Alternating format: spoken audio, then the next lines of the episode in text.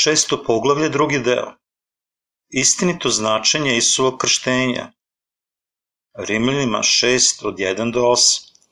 Šta ćemo dakle reći? Hoćemo li ostati u grehu da se blagodat umnoži? Bože sačuje, jer koji umre smo u grehu, kako ćemo još živeti u njemu? Ali ne znate da svi koji se krsti smo u Isusa Hrista, u smrt njegovu krsti smo se.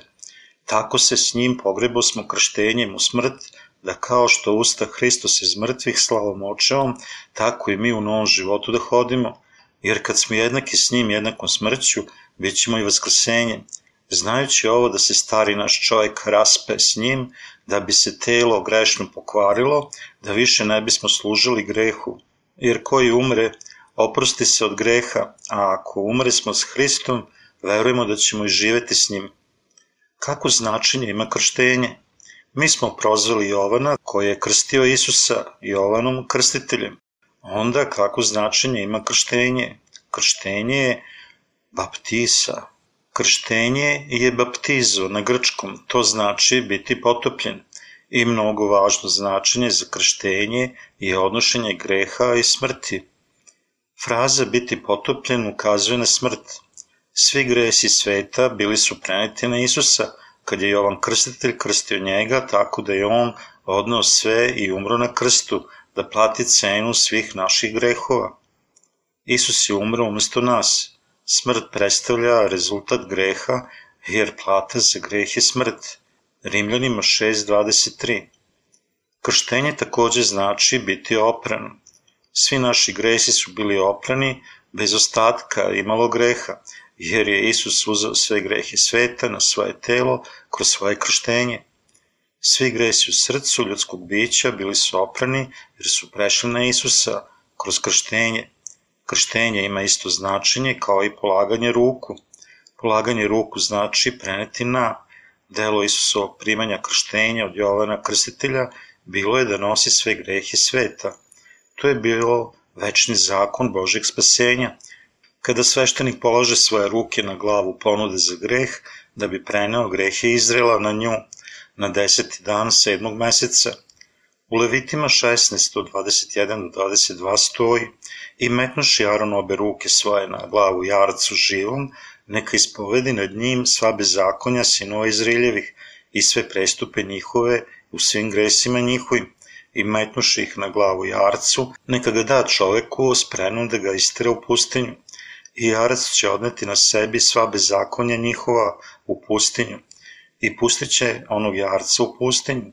Kada Aron, visoki sveštenik, položi svoje ruke na glavu živog jarca, jarac bi primio sve grehe Izrela i bio bi pogubljen radi ljudi. Polaganje ruku na glavu ponude za greh u starom zavetu potvrđuje krštenje u novom zavetu. Značenje krštenja je biti potopljen. To uključuje biti sahranjen, biti opran ili preneti na. Ljudi u starom zavetu bi odabrali jarca ili jagnje bez mane i položili bi svoje ruke na glavu ponude da prenesu svoje grehe na nju. To je slično delu krštenja u Novom Zavetu.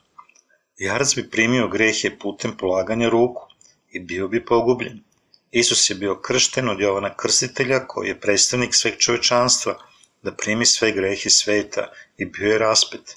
Aron, visoki sveštenik i predstavnik Izrela, položio bi svoje ruke na glavu jarca da prenese grehe Izraelaca na žrtvu. Prikolje jarca, uzme njegovu krv na svoj prst i premaže njume rogove na oltaru žrtve paljenice. Stoga, Luka je rekao da je Jovan Krstitelj, koji je bio rođen u Aronovom plemenu, bio predstavnik sveg čovečanstva, baš kao Aron, visoki sveštenik koji je bio predstavnik sveg Izrela. Biblija govori, ni jedan između rođenih od žena nije izašao veći od Jovana Krstitelja. Matej 11.11. 11. I on krstitelj je imao punomoćje da prenese grehe sveta na Isusa kroz krštenje jednom i uvek kao zemaljski visoki sveštenik, saglasno večnoj uredbi Božijoj. I on krstitelj je bio poslednji visoki sveštenik. Kada kažem da je Jovan Krstitelj bio visoki sveštenik, neki ljudi kažu, Gde je to zapisano u Bibliji da je Jovan Krstitelj bio visoki sveštenik? Nije li to zapisano? Sin jedinac Zaharin bio je Jovan Krstitelj. Sveštenik Zaharija je bio u plemenu Avije, unuk Arona, visokog sveštenika. Jasno je da pripada porodici Aronovoj. Biblija govori o plemenu sveštenika koji su bili potomci Aronovi i u prvoj dnevnika poglavlje 24. U poslednjim danima Davidovim bilo je puno sveštenika i njih je trebalo svrstati, tako oni su bili svrstani većinom u 24 plemena, saglasno 24 unuka Aronove familije. Osmom kolenu je pripadao Avija. Svako pleme je služilo posvećenje i kuću gospodnju na 15 dana.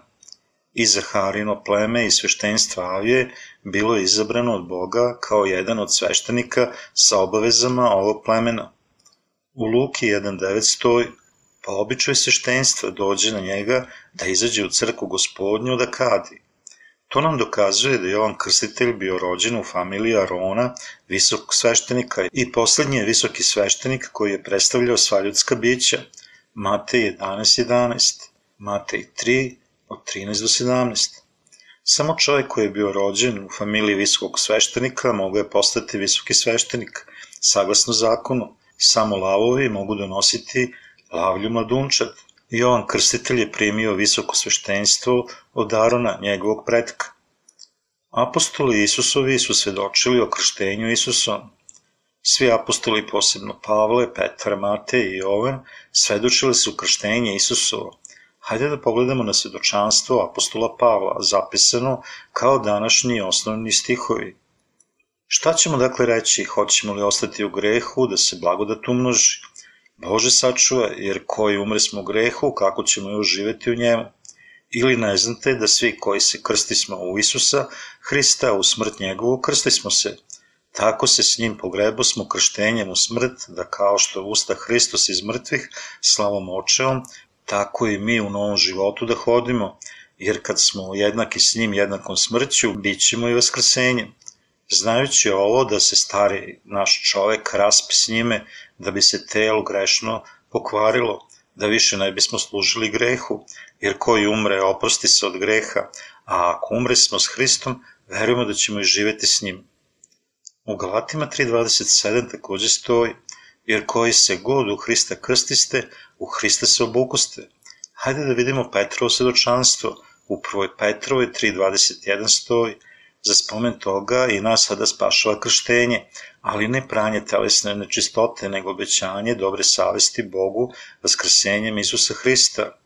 Apostol Jovan kaže u 1. Jovanovoj 5, od 5 do 8, ko je koji svet pobeđuje, osim onog koji veruje da je Isus sin Boži. Ovo je Isus Hristos, što dođe vodom i krvlju i duhom, ne samo vodom, nego vodom i krvlju, i duh je koji svedoči, jer je duh istina, jer je troje što svedoči na nebu, otac, reč i sveti duh. I ovo troje je jedno, i troje što svedoči na zemlji, duh je voda i krv, i troje je zajedno. Svedočanstvo Matejevo je napisano u Mateju 3, do 13 do 17. Tada dođe Isus iz Galileje na Jordan k Jovanu da se krsti, a Jovan branjaše mu govoreći, ti treba mene da krstiš, a ti li dolaziš k meni? A Isus odgovori i reče mu, Ostavi sad, jer tako nam treba ispuniti svaku pravdu. Tada Jovan ostavi ga i krstiši se, Isus izađe odmah iz vode i gle otvoriše mu se nebesa i vide duha Božijeg gde silazi kao golub i dođe na njega. I gle glas neba koji govori, ovo je sin moj ljubazni koji je po mojoj volji. Isus je uzeo sve grehe sveta, primivši krštenje od Jovana Krstitelja, tako nam treba ispuniti svaku pravdu. Isus je uzeo grehe sveta na sebe putem primenja krštenja od Jovana Krstitelja, što je bilo najpodesniji način. Bog to lično svedoči. I krstivši se, Isus izađe odmah iz vode i gle, otvoriše mu se nebesa i vide duha Bože gde silazi kao golub i dođe na njega.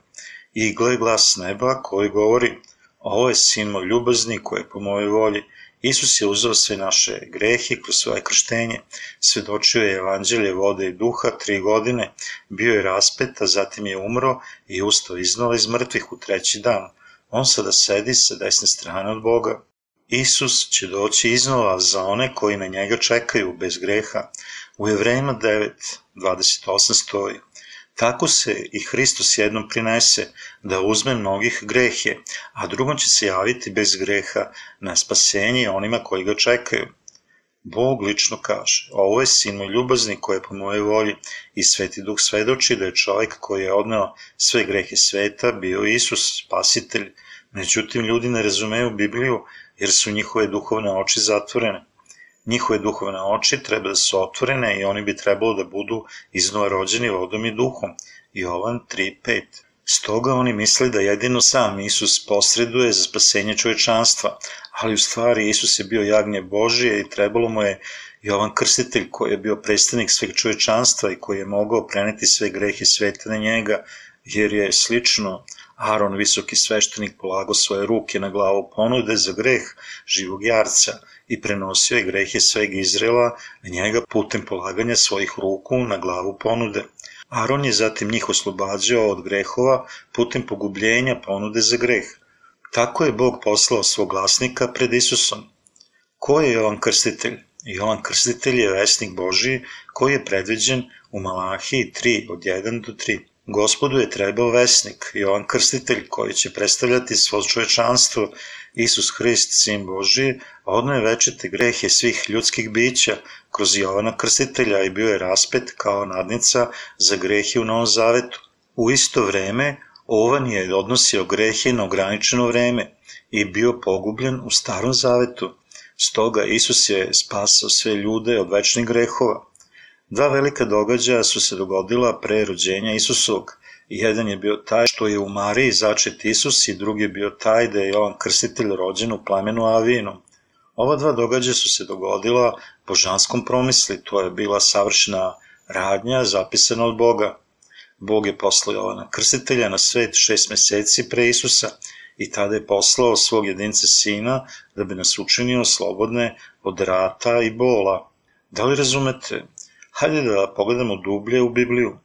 Pogledajmo Mateju 11, 7 do 14, gde je osvedočen Jovan Krstitelj. A kad ovi otidoše, poče Isus ljudima govoriti o Jovanu. Šta ste izišli u pustinju da vidite? Trsku koju ljulja vetar ili šta ste izišli da vidite? Čoveka u meke haljine obučena. Eto, koji meke haljine nose po carskim su dvorovima. Ili šta ste izišli da vidite? Proroka? Da, ja vam kažem i više od proroka, jer je ovo onaj iza koga je pisano. Eto, ja šaljem anđela svog pred licem tvojim, koji će pripraviti put tvoj pred tobom. Zaista vam kažem, nijedan između rođenih od žena nije izašao veći od Jovana Krstitelja, a najmanji u carstvu nebeskom veći od njega. A od vremena Jovana Krstitelja do sada, carstvo nebesko na silu se uzima i siliđije dobijaju ga, jer su svi proroci zakon proricali do Jovana. I ako hoćete verovati, on je Ilija što će doći. Ljudi su odlazili van u pustinju da vide Jovana Krstitelja koji je uzvikivao. Pokajte se jer se približilo carstvo nebesko. Matej 3.2 Isus im je rekao, šta ste izišli u pustinju da vidite? Trsku koju ljulja vetar ili šta ste izišli da vidite? Čoveka u meke haljine obučena, eto koji meke haljine nose, po carskim su dvorovima, ili šta ste izišli da vidite proroka, da ja vam kažem i više od proroka. U doba starog zaveta kralj nije bio moćniji od proroka, kraljevi su slušali šta proroci kažu. Ko je bio moćniji od svih kraljeva i proroka u starom zavetu? To je bio Jovan Krstitelj. Isus lično svedoči za to. Ko je bio predstavnik sveg čovečanstva, ko je bio predstavnik svih ljudskih bića koja imaju telo, osim Isusa? To je bio Jovan Krstitelj. Jovan Krstitelj je bio zemaljski visoki sveštenik. Za ovo svedočanstvo on je bio odabran od gospoda lično i poslat na ovaj svet i odigrao je svoju ulogu. Ili šta ste izašli da vidite? Proroka, da ja vam kažem i više od proroka, jer je ovo onaj za koga je pisano. Eto, ja šaljem anđela svog pred licem tvojim, koji će pripraviti put tvoj pred tobom. Isaija je prorokovao da će u Jerusalimu doći do rata na kraju. Mi možemo naći da je proročanstvo bilo ostvareno kada je Jovan Krstitelj rekao Gle, jagnje Božije koje uze nase grehe sveta. Jovan 1.29 Jovan Krstitelj je posvjedočio da je Isus bio sin Božiji i da je odnos sve grehe sa sveta. Drugačije, Isus je posvjedočio da je Jovan Krstitelj bio Božiji izabrani vesnik koji je trebalo da dođe. U Mateju 11.11 11 stoji, zaista vam kaže, nijedan između rođenih od žena nije izašao veći od Jovana Krstitelja. Da li je bilo veća od Jovana Krstitelja između njih koji su rođeni od žena? Ne. Šta se između rođenih od žena misli? To znači svi ljudi u svetu. Reči ni jedan između rođenih od žena nije izašao veći od Jovana Krstitelja, znači da je Jovan Krstitelj bio predstavnik svih ljudi u svetu. On je bio visoki sveštenik jer je on bio rođen u porodici Aronove. Jovan Krstitelj je bio predstavnik svih ljudi u svetu.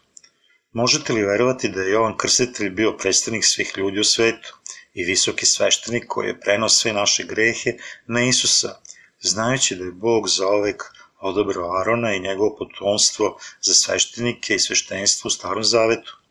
Ko je bio predstavnik sveg čovečanstva i ko je bio predstavnik svih ljudi koji imaju telo? Jedino osim za Isusa – To je bio Jovan Krstitelj koji je krstio Isusa. Da, ja vam kažem, i više od proroka, jer je ovo onaj za koga je pisano. Eto, ja šaljem anđela svog pred licem tvojim, koji će pripraviti put tvoj pred tobom. I čovjek koji je posvjedočio, gle, i jagnje Božije koje uze na sve grehe sveta. Jovan 1.29. Bio je Jovan Krstitelj. Isus je rekao, a od vremena Jovana Krstitelja do sada carstvo nebesko na silu se uzima i sileđi dobijaju ga, jer su svi proroci zakon proricali do Jovana, Matej 11, od 12 do 13. Ovi pasusi pokazuju da je Isus odneo sve grehe sa sveta putem primanja krštenja od Jovana Krstitelja i postoje spasitelj sveg čovečanstva. Ovo takođe pokazuje da je Jovan Krstitelj prenao na sve grehe sa sveta na Isusa – Isus lično kaže tako, ovo znači da je Jovan Krstitelj prenao svetske grehe na Isusa i kogod veruje ovu činjenicu jeste spašen od svih svojih grehova i ući će u Carstvo nebesko. Da li je to tačno ili pogrešno? To je upravo tačno saglasno Božim rečima i stoga mi propovedamo biblijsku istinu koja može osloboditi na veličanstven način. Kogod veruje istinu ući će u Carstvo nebesko. Jovan Krstitelj je preneo grehi sveta na Isusa kao poslednji visoki sveštenik iz Starog Zaveta. Zaharija, otac Jovana Krstitelja, čuo je od anđela gospodnjeg, hajde da usvojimo Zaharijino svedočanstvo za njegovog sina. Nije li svedočanstvo njegovog oca više nego tačno? Hajde da vidimo njegovo svedočanstvo ispevano u obliku psalma.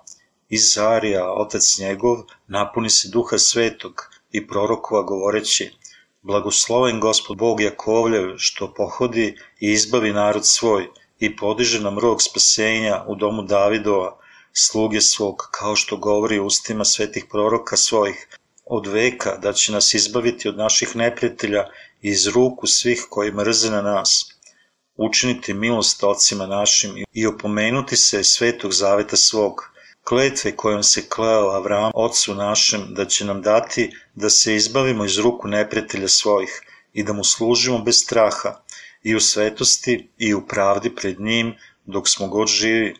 I ti, dete, nazvaćeš se prorok najvišeg, jer ćeš ići napred pred licem gospodnjeg, da mu pripraviš put, da daš razum spasenja narodu njegovom za opuštenje greha njihovih, po dubokoj milosti Boga našeg, po koji nas je pohodio istok sa visine, da obasjaš one koji sede u tami i u senu smrtnom, da uputiš noge naše na put mira, a dete rastijaše i jačaše duhom i beše u pustinji dotle dok se ne pokaza Izraelju. Luka 1, 67 do 80. Njegovom ocu je predskazano koja vrsta proroka i sveštenika će postati ovan. Hajde da vidimo šta je predskazano za njegovog sina. I ti, dete, nazvaćeš se prorok najvišega, jer ćeš ići napred pred licem gospodnjim da mu pripraviš put, da daš razum spasenja narodu njegovom za oproštenje greha njihovih, po dubokoj milosti Boga našeg, kojoj nas je pohodio istok svisine, da obasjaš one koji sede u tami i u senu smrtnom, da uputiš noge naše na put mira. Luka 1 od 76 do 79. Ovde Biblija jasno kaže da daš razum spasenja narodu njegovom za oproštenje greha njihovih. Ko nam daje razum za spasenje? Luka 1.76 pokazuje da je to Jovan Krstitelj, mi dolazimo do saznanja da je Isus Hrist spasao grešnike od njihovih grehova putem primanja krštenja od njega, čime odnosi grehe. I to je bilo učinjeno na najpravedniji i najbolji način. Jovan Krstitelj dođe se Jovan Krstitelj dođe za svedočanstvo, da svedoči za videlo, da svi veruju kroz nje. On ne beše videlo, nego da svedoči za videlo. Jovan 1 od 7 do 8. Mi se moramo spasiti. Mi se moramo izbaviti putem vere da je Isus spasao sve ljude u svetu na najpravedniji i najbolji način putem primanja krštenja od Jovana Krstitelja. Pravednost Božja kaže da je Isus došao na svet u liku čoveka, oslobodio grešnike od svih njihovih grehova na najpravedniji i najbolji način, pomoću krštenja od Jovana Krstitelja i povratkom u život nakon što je bio raspet. Pravednost Božja je skrivena u evanđelju vode i duha. Pravednost Božja koja je otkrivena u evanđelju uči nas da je Isus bio poslat u liku čoveka, bio kršten, raspet i iznova ustao iz mrtvih u treći dan. Mi dolazimo do vere u Isusa kroz svedočanstvo Jovana Krstitelja i spašeni smo od svih naših grehova putem vere u Isusovu pravednost. Svi ljudski gresi su bili upijeni i ljudi imaju večne živote putem vere u Isusa, a kroz Jovana Krstitelja. Primili su svetog duha oni koji nam svedoče da će postati Božja deca na dar.